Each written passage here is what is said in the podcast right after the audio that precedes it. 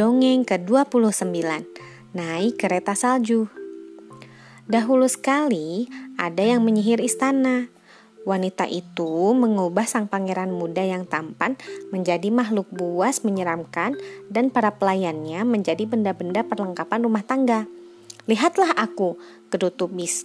Aku kejam sekali memenjarakan Bel di istanaku. Bagaimana ia akan bisa menganggapku bukan monster? Ayolah, ujar Miss Potts lembut. Yang perlu kau lakukan adalah menunjukkan padanya apa yang ada di dalam hatimu. Kau harus sopan, Lumiere si kandelir menambahkan. Bersikap romantis, puji dia, dan yang paling penting, berbaik hati, lembut, serta tulus. Dan jangan cemberut begitu, timpal Chip anak laki-laki Miss Potts. Aku punya ide, seru Bis tersenyum. Bagaimana kalau kuajak Bel naik kereta salju? Sempurna, jawab Lumiere. Bis mengutus Lumiere untuk mengundang Bel naik kereta salju. Kedengarannya asik, kata Bel. Sudah terlalu lama aku terkurung di istana ini. Bel berlari menutup menuruni tangga panjang dan melangkah keluar. Butir-butir salju putih berkilauan melayang dari langit.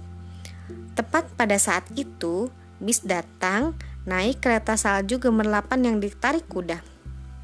Bagus sekali, pekik Bel. Bis tersenyum sambil membantu Bel naik ke kereta.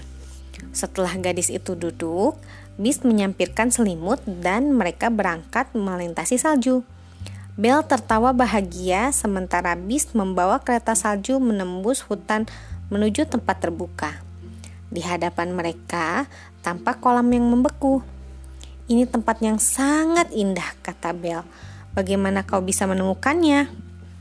Dahulu sekali aku sering kemari, jawab Bis. Ini salah satu tempat favoritku. Aku ingin menikmatinya denganmu. Bis lalu bertanya apakah Bel mau main seluncur es. Oh iya, jawabnya. Aku suka sekali main seluncur es. Tak lama kemudian, Bel berputar-putar di permukaan kolam yang mulus. Bis tidak sanggup itu. Ketika menabrak gundukan es, ia kehilangan keseimbangan dan terjatuh. Ia sebetulnya marah, tapi kemudian melihat Bill memandangnya dengan penuh simpati. Teringat nasihat teman-temannya, Bis tersenyum saat Bill membantunya berdiri. Semua orang kadang terjatuh kok, hibur Bel. Tak lama setelah itu, mereka meluncur di atas es bergandengan. Beberapa saat kemudian, ketika dalam perjalanan pulang, Bel memikirkan Beast.